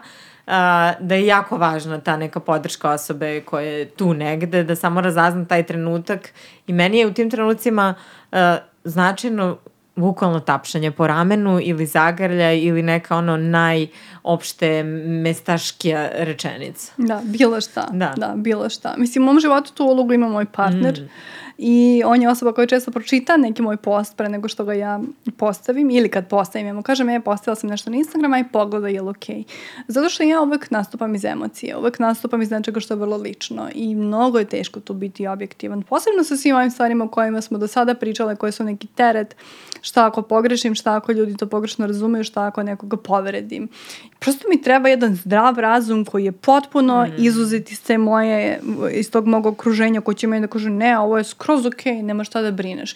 Naravno sad, kako, mislim, sto ljudi, sto čudi. Da pitam još pet osoba, možda dobijem pet različitih komentara, ali zato je važno da to bude neko ko je nama važan neko u koga mi imamo poverenja, kogod da je, možda bude mama, sestra, nije bitno. Samo da neko za koga zaista znamo da nam neće reći samo jer nas voli, mm. da je dobro, nego će nam jednostavno reći onako kako jeste iz njegovog ili njenog ugla, ali će nam dati neku drugu perspektivu koja je s druge strane sigurna to je neko ko nam sigurno ne želi zlo, ko želi da budemo, da se razvijemo, da budemo bolji i meni moj partner recimo kaže, e, imaš gomilu slovnih grešaka, jer ja uvek imam slovne greške. I onda ja nekad odeberem da te slovne greške ostavim, ali nekad ih i obrišem. Znači, mm. prosto to, ta poruga, to tapšanje po ramenu, ta jedna rečenica, to zaista jeste nešto što nam mnogo treba. Posebno u toj atmosferi društvenih mreža gde stvarno uh, ja sam, ja sam se šalila, pogovorila i dok sam pisala za Vice, najviše se bojim Boga, ne, ne Boga, nego print screena pa Boga. e, print, screen je, znači, najveći užas koji postoji. ja uvek kad pišem, ja imam u vidu, ovo može biti print screenova na bilo kako. ja ne znam, mislim da stvarno podcenjujemo moći da se o tome ne govori dovoljno da, print screen je stvarno užas. Mislim, zaista, ne daj Bože, razumeš, mislim, nikad nisam rekla ništa toliko skandalozno da sad može da ide, ne znam, u tabloid. Znam, samo osjećaj da znaš sve što da sve može biti print screenovano. I što i što... To Svaka je, tvoja slika, bilo šta, mislim, to je stvarno... I, i apropo Vajsa koji si pomenula, baš sam pre neki dan pričala svom partneru kako neke stvari nikad ne bih napisala. Stvarno? Nikad ne bih napisala, nikad ne bih napisala tako. Ali s druge strane... Da, e, baš mi sad zanima šta. pa, znaš, sve one stvari koje sam pisala koje su odnosile na veze, na odnose, Aha. koji jesu bili svakako značajni mm. verovatno za mnogi devojčice s invaliditetom, bar se mm. nadam. Uh, ja iz ove perspektive kao starija Lana mislim da je to bilo malo previše lično, da bi tu trebalo naći bolju meru i mm. da možda neke tih stvari ne bi trebalo ni napisati. Uh, A, s druge strane, a, apropo onoga da moramo da stanemo iza sebe u prošlosti jer nema niko drugi ko to može da uradi, meni može moj partner da kaže ma super si pokidala, ali zaista jedina osoba koja to može da osjeti to sam ja. Mm. I ja moram da stanem iza te Lani da kažem ok, ona je bila mlađa od mene, nije znala ovo što ja sada znam. U trenutku kad je ovo pisala, radila je zaista najbolje što je mogla sa idejom da će ovo zaista nekome da doprinese, da pomogne. Ja mislim da je to mnogo pomoglo, stvarno. Jo, I mislim da si ti, ne, ozbiljno. ja baš imam užasno prispitivanje oko tih tekstova. Mislim da svi kao, imamo, evo. Da, ti si zapravo mnogo više napisala, da, samo no, nekoliko. Lana, znači srećnica si, veruj mi, probala sam retroaktivno da promenim ono da ne izlazi tekst s mojim imenom ali ne, to ne znam je kako je to moguće. Zapa, zapečećeno, tako da razumem te To je baš još jedna stvar, to da internet sve pamti, da, da u stvari ti naši neki aktivistički počeci ili koji god počeci, to stoji na Google-u, čim smo malo mm. javnije ličnosti i naravno tebi to ljudi non stop govoriti kao da, da, internet pamti. Mislim, ali ja ne mogu sa 25, 6 i 7 godina da znam ono što znam sa 32. Da. Šta da radim? Mislim, I mislim da je to potpuno normalno i ja sad uopšte ne mogu, meni su ti tekstovi sjajni, ja sam ih sad pročitala i ne mogu uopšte da, da nagovestim. Razumem da je tebi nešto da. lično sad tu, da si se promenila. Da, ja sam Čudno bi bilo da previše. da nisi ali mislim da su u tom trenutku bili baš revolucionarni stvarno, jer se niko u med, na medijskom nebu nije bavio na taj način nekim najosnovim, najbazičnim stvarima koji su deo svakog od nas. I mislim da i baš taj ljubavni vodič i mislim da si sa Melisom imala sa o, ginekolozima. Da, imala sam i ginekologe i žene To je isto bilo sjajno, da. to je tema koju pre toga stvarno niko nije, ne da priča o njoj, nije, nego nije naglas rekao stvarno, da žene sa invaliditetom da. idu kod ginekologa. I kako idu, ako mogu ili da Ili da imaju seks ili ne znam šta sve mislim da si u tom Meni je to tad bilo mnogo važno da kažem zato što mislim tad je nekako proradilo u meni u tom te periodu u životu ta devojčica u meni koja se osjećala strašno bespravljenom. Znaš ono kad si na slavi uh, kod kuće ono dok smo živeli u, u rodnim gradovima i onda uh, svi kao pa ili imaš dečka pa, pa ono znaš e mene niko to nije pitao mm. jer se podrazumevalo da ja nemam dečka. S druge strane imam stariju sestru nju su uvek pitali i uvek su komentarisali kako je ona lepa mene su samo otac i mama nazivali, nazivali lepom i to je stvarno divno s njihove strane. Ja sam se zaista osjećala kao najlepša devojčica na svetu i kasnije čak i kad sam odrastala. Ali kad ti počneš da primećuješ da tebi samo roditelji govore kako si lepa, a svi ostali govore tvojoj sestri da si lepa, kako tebe niko ne pita da li imaš dečka, ali tvoju sestru svi pitaju mm. da li ima dečka, onda je zapravo, ja tada kad sam to prorađivala na neki način, bavila se time, ja sam samo želela da nijedna devojčica s invaliditetom ne doživi to na način na koji sam ja doživala, iako sam sigurna da ne mogu da ih zaštitim od toga, najviše bih na svetu to volela, mm. da zapravo znaju da koliko god da su drugačije, da su lepe, da je lepota zaista društveni konstrukt. To je nešto sa čim ja i dan danas radim, ja i dalje ne mislim da sam lepa. I to je isto ljudima šokantno kad ja kažem ja i dalje ne mislim da sam lepa. Ustani, izaći. izaći, izaći, izaći iz tampon zone. Ali kao ja baš imam to, kao imam neke trenutke kada se osjećam kao da sam lepa, ali generalno se ne osjećam tako. I ja sam svesna odakle to dolazi. To je celokupni narativ koji sam ja dobila od društva. Sve vreme. Nisi dovoljno lepa, nisi dovoljno lepa, nisi dovoljno privlačna, niko te neće zvati da izađeš, šta god. To su sve stvari koje sad deluju smešno. Znaš, mi smo u 30 kao imaš ne, neku, neki odnos e, sa nekom osobom, gradiš nešto i sad kao, ma, mislim, koga briga za ovo. Pa da, ali neka devojčica od 13 godina njoj je kako važno što ona nema nikog. Zato mislim da je jako važno što si ti to pričala, jer tišina i neprogovaranje o tome znači da to ne postoji. Verujem da dosta devojčica rano odustane i bude u fazonu, ok, društvo mi pokazuje da ovo nije za mene, ja ću to da samo pa da, pa to sam bila i ja. Razumeš? Ja sam samo odstranila da. taj deo i postala sam mikronaučnica mm. i ja sam žela da budem naučnica i to je bio moj način kako sam mm. se ja, mm. kako se kaže, kopovala sa mm. tim, ali mislim prosto voljela bih da nijedna devojčica ne prođe kroz tako nešto. Ok, ako ti želiš da budeš naučnica, ja te podržavam svim srcem, ali budi i devojčica, budi i devojka, budi i žena i to je sve ok. Samo što je, stvarno je teško, jer jednostavno društvo toliko veliki pritisak uh, na nas navalju opredeljuje mm. u tom pogledu da moramo izgledati na određeni način, da, da se moramo ponašati na određeni način, da ako ne spadamo u taj, e, kako da kalup, kažem, kalup, neki. onda nismo ni žene, nismo mm. ni privlačne, nismo ništa. I onda ja ne mogu ni da zamerim sebi kad ja pitam svog partnera pa sam ja stvarno lepa.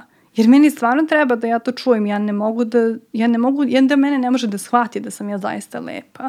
Iako ja hrabrim devojčice, govorim o tome, čini mi se da bi bilo nepošteno da sa tim narativom koji stvarno od srca delim, ne podelim i ovaj drugi koji jeste opet komponenta krhkosti i nesigurnosti, da ja vas hrabrim, ali u isto vreme hrabrim i sebe zato što sam mm. užasno uplašena da, da i dalje nisam dovoljno mm. šta god. Drugo ono što se dešava je da ti počinješ da stariš, ti počinješ da primećuješ neke promene na svom telu.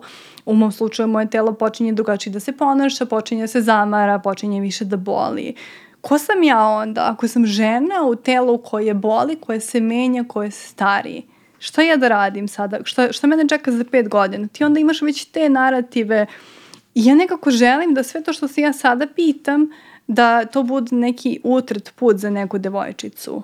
Da ona neće morati da postavlja ta pitanja sama sam cijetar, mene zaista niko nije mogu njima da nauči niti da mi da odgovor. Mm i onda prosto želim da im bude lakše. Ali želim da budem iskrena dok to pokušavam, a ne da kao e, furam taj narativ, Prodaješ ja kidam, ja najjača, znaš. La, sreće lažne. Zato što to da. zaista nije, to zaista nije korektno. Isto kao kad, mislim... Mislim da ljudi kod tebe, zato sam i rekla kad sam ti pravila traktat sa pitanjima za ovu emisiju, da je meni tvoj spe, aktivizam zaista specifičan i, i divan zato što je toliko iskren. I stvarno je e, poseban je. I evo sad neću pa da ti laskam, ali radiš to na, na poseban i taj ranjiv način, ali uh, u isto vreme se vidi da si da ti to stvarno želiš, što radi tu poruku koju prenosiš, ne prenosiš zarad ni pregleda, ni ne znam čega, nego da je to nešto tvoje unutrašnje koje zbog svog znanja i svega što si stekla znaš sjajno da verbalizuješ. Da, ali opet je to, to je velika borba. Mislim, mm. ja stvarno svaki put se preispitujem, svaki put imam to, joj Bože, da li treba ovo da obrišem, šta mi bi da ovo postavim,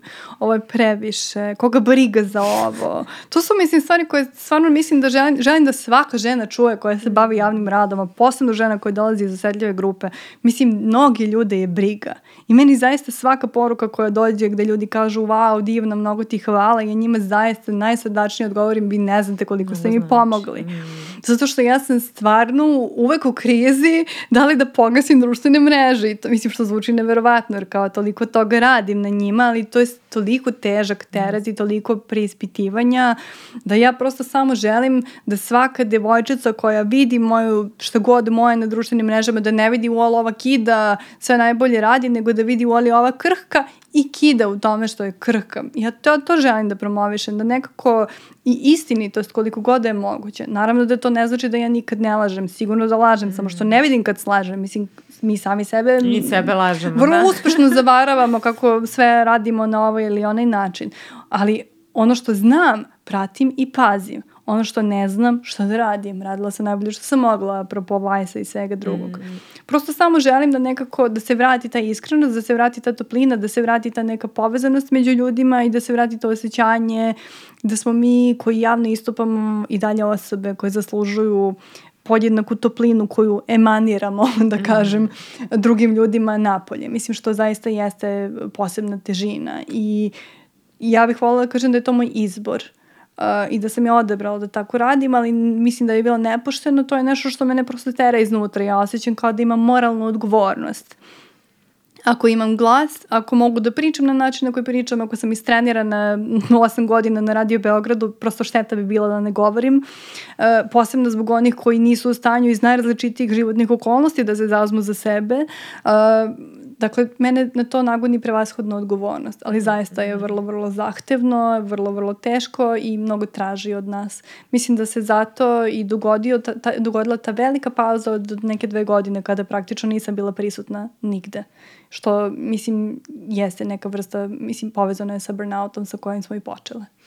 E, da, htela sam da spomenemo, ističe nam vreme, ali želim baš da spomenemo tvoje ilustracije. Otkud sad ilustracije i, i šta ti je sa njima cilj? Šta, Pazi šta tu sad, tražiš? otkud ilustracije? Iz burnouta. Sve iz burnouta. Sve se sustiče ovom burnouta. Mislim, ali zaista ja sam ilustracije počela e, malo pre tog burnouta, onda je bila neka velika pauza i onda sam posle krenula iz tog najvećeg burnouta samo da crtam. E, u tom trenutku mi je bilo vrlo, vrlo teško iz nekih privatnih razloga. Mi smo u tom momentu izgubili jako dobrog prijatelja i to je bilo baš onako strašno jedno iskustvo i ja sam zaista osjećala da ja mogu samo da crtam tada i da mm. mogu da ništa drugo ne radim osim toga. I onda je tako krenula zapravo.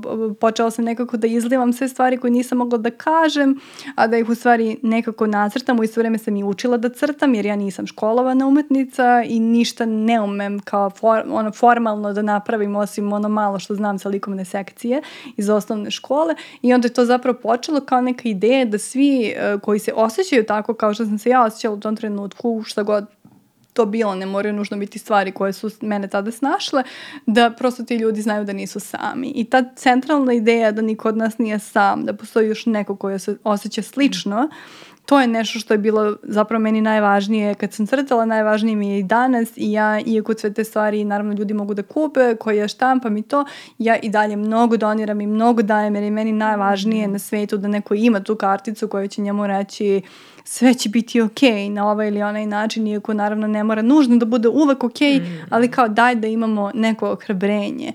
A šta meni znači umetnost? Mislim, baš je teško budući da crtam, crtanje je neki proces, često mi pitaju ko te naučio da crtaš. Mm. Ja od kad se sećam sebe, ja držim olovku i crtam, ja ne znam ko me je naučio. Ja se sećam da, pošto te dugo pratim i sve to, da sam znala da ti crtaš i da si da. povremeno izbacivala neke crteže. A, a onda se pojavio ovaj nalog gde ti stvarno imaš nekako izgrađeni stil i svoju paletu baš su da, to odmah ilustracije onako, naš, autentične, raspoznatljive su potpuno, znaš da je ovo slika Lalana. Da, to mi, to mi isto ljudi govori, da. to mi je neverovatno. Mislim, to se zaista dogodilo nekako, ja sam samo pustila taj deo sebe da izađe napolje, to je malo Tim Burton, malo ide na taj neki glumi fazon mm. koji sam ja uvek jako voljela i koja je neka važna komponenta moje ličnosti i nekako, znaš, mislim, meni umetnost, umetnost isto bila isto što i crtanje, to je sastavni deo mene i meni je jako teško da ja sad odvojim i crtanje i umetnost. To je nešto što me uvek privlačilo. Ja sam htjela da budem slikarka kad sam bila devojčica I onda mi je mama rekla da od toga ne može da se živi. isto meni za istoriju da. umetnosti. Da. I tako sam ja otišla na svetsku književnost, što je isto kao, jer istorija umetnosti... isto, istorija umetnosti mi je bila kao, imala sam listu, znači meni svetska... svetska književnost posle istorija umetnosti. Da, svetska, istorija umetnosti i, i filozofija, naravno. Mm. Kao tri, tri, ono, e, tri jahača smrti. Mislim, kao, čemu ova može, a stoji ne radi.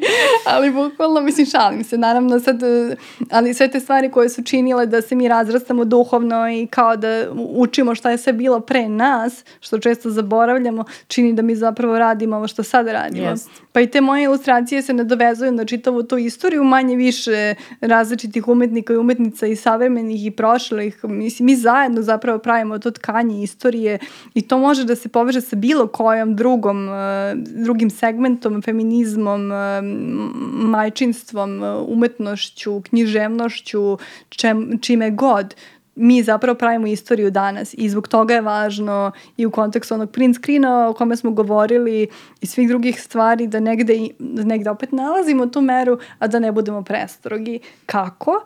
to je sad isto ono što meni ljudi često biti, kako sad ja ovo da radim? Hoće recept, daj recept brzo, nema recepta, ne Ali može moram brzo. da priznam da, da je tvoja kolumna za L poslednja, poslednje dve, tri zapravo, da, rečenice, to to. ja mislim, uh, kako si završila ceo tekst. To je da to ono ako osjećaš da ne, da ne, da Bio ne receptić maku, neki, ali vrlo na, Da, lepo rekla sam, nemam, nemam, ne, nemam i da. recept, ali mogu ovo da vam kažem što sam rekla i sebi. I onda je bilo to, ako vas boli stomak ili tako nešto, okrenite se i idite odavde. I to je negde, mislim, kako da kažem, bojim se uvek da dam savjet i recept. Ali ono što mi je stvarno bitno da ljudi razumeju, ništa ne može brzo, ništa ne može odmah. Niš, mislim, manje više ništa, ali većina stvari koje mi želimo da se hitno reši, ne može da se hitno reši. Moramo da navežbamo strpljenje. A druga stvar koju moramo da navežbamo je mera i sposobnost za slušanje sa kojom sam i počela ovaj razgovor, koja stvarno jeste ključna stvar. Divno je da mi nešto podelimo, ali stvarno je mnogo lepo da slušamo. Mnogo je lepo da čujemo druge ljude, jer i oni imaju nešto da kažu. I onda nekako ako se više slušamo, više ćemo znati, više ćemo deliti i više ćemo nekako i graditi tu istoriju koju sam pomenula u kontekstu umetnosti i praviti to neko bolje društvo u kojem se ja i dalje nadam gde će biti mesta za svaku devojčicu i za sve nas kakve god da smo sa kakvim god različitostima jer svako ima neku različitost koja ne mora biti vidljiva. Hvala ti, Lana, ovo je bilo, Jel ovo znači, ovo je, imala sam još pitanje, ali moram ovde da završim, ovo je... inače ćemo tri sata ćemo ostati ovde, ovde ćemo živeti sad. Ne, morat ćemo, morat ćemo drugi deo razgovora, da, da, ali ovde stvarno želim da završimo jer si lepo zaokružila ceo naš razgovor. Uh, htela sam da pričamo još malo o, o obrazovanju, ali uh, preporučujem svim ljudima da te zaprate da ti tamo dosta glasno govoriš i o toj temi. Da. I negde smo je možda provukle. Jesmo, pa da. En- jesmo. na ne- čitajte knjige, na- mogu da sažmem, samo molim vas čitajte knjige i molim vas čitajte klasike. Eto, to je ukratko, moja preporuka za obrazovanje. E, hvala ti puno na razgovoru. Nadam se da ti je bilo prijetno. Meni je, eto, uh, izdvojit ću nekako ovaj razgovor od ostalih, jer je meni lično jako značio i uh, razgovor s tobom i u autu i ovde uh, nikad nisam, nikad niko nije naglas izgovorio neke stvari koje su meni prolazile kroz glavu. Ja sam prvi put ih čula kod tebe i moram da kažem da mi je to stvarno bilo lekovito, a da mi je ovaj razgovor tek sad ne pomogao, nego ono, umio me zaista. Pa nadajmo se da nismo samo nas dve Da. odavde, eh, odnosno da ne izlazimo samo nas dve odavde obogaćene. Ono što ja mislim da je važno negde da ne pomenem za kraj eh, jeste da mesto kao što je ovo zaista treba da nastavi da postoji, treba da nastavi da cveta i treba da nastavi da bude sigurno mesto za mnoge.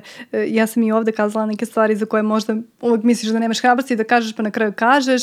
I stvarno sam zahvalna na tome što sam osetila da to mogu i na tome što si zapravo taj prostor napravila. I ja bih voljela da bez obzira na sve odgovornosti koje imaš e, sa slobodom neguješ i krhkost i nežnost i otvorenost e, bez straha jer zapravo jedino tad možemo da damo najbolje od sebe društvu a ljudi će da misle svakako mislim mišljenje svako ima a mi moramo da radimo najbolje što možemo sa onim što smo u određenom trenutku Jel imaš još neki kraj u džepu ili je ovo sve? to je to secite i secite nas E, hvala ti puno, Lana, na razgovor. Eto, zovemo sve koji su slušali razgovor i koji, ko- kojima se svidao da te zaprate i e, iskreno se nadam nekom većem prostoru koji ćeš dobiti. E, navijam za taj tvoj podcast. Jako bih voljela da se imala svoju radijsku emisiju, ali bi voljela nešto baš tvoje da čujem i da stvoriš neki eto malo veći prostor da ćemo imati prilike češće i više da te slušamo. ja se nadam i vidjet ćemo se tamo svakako Da, hvala ti. hvala tebi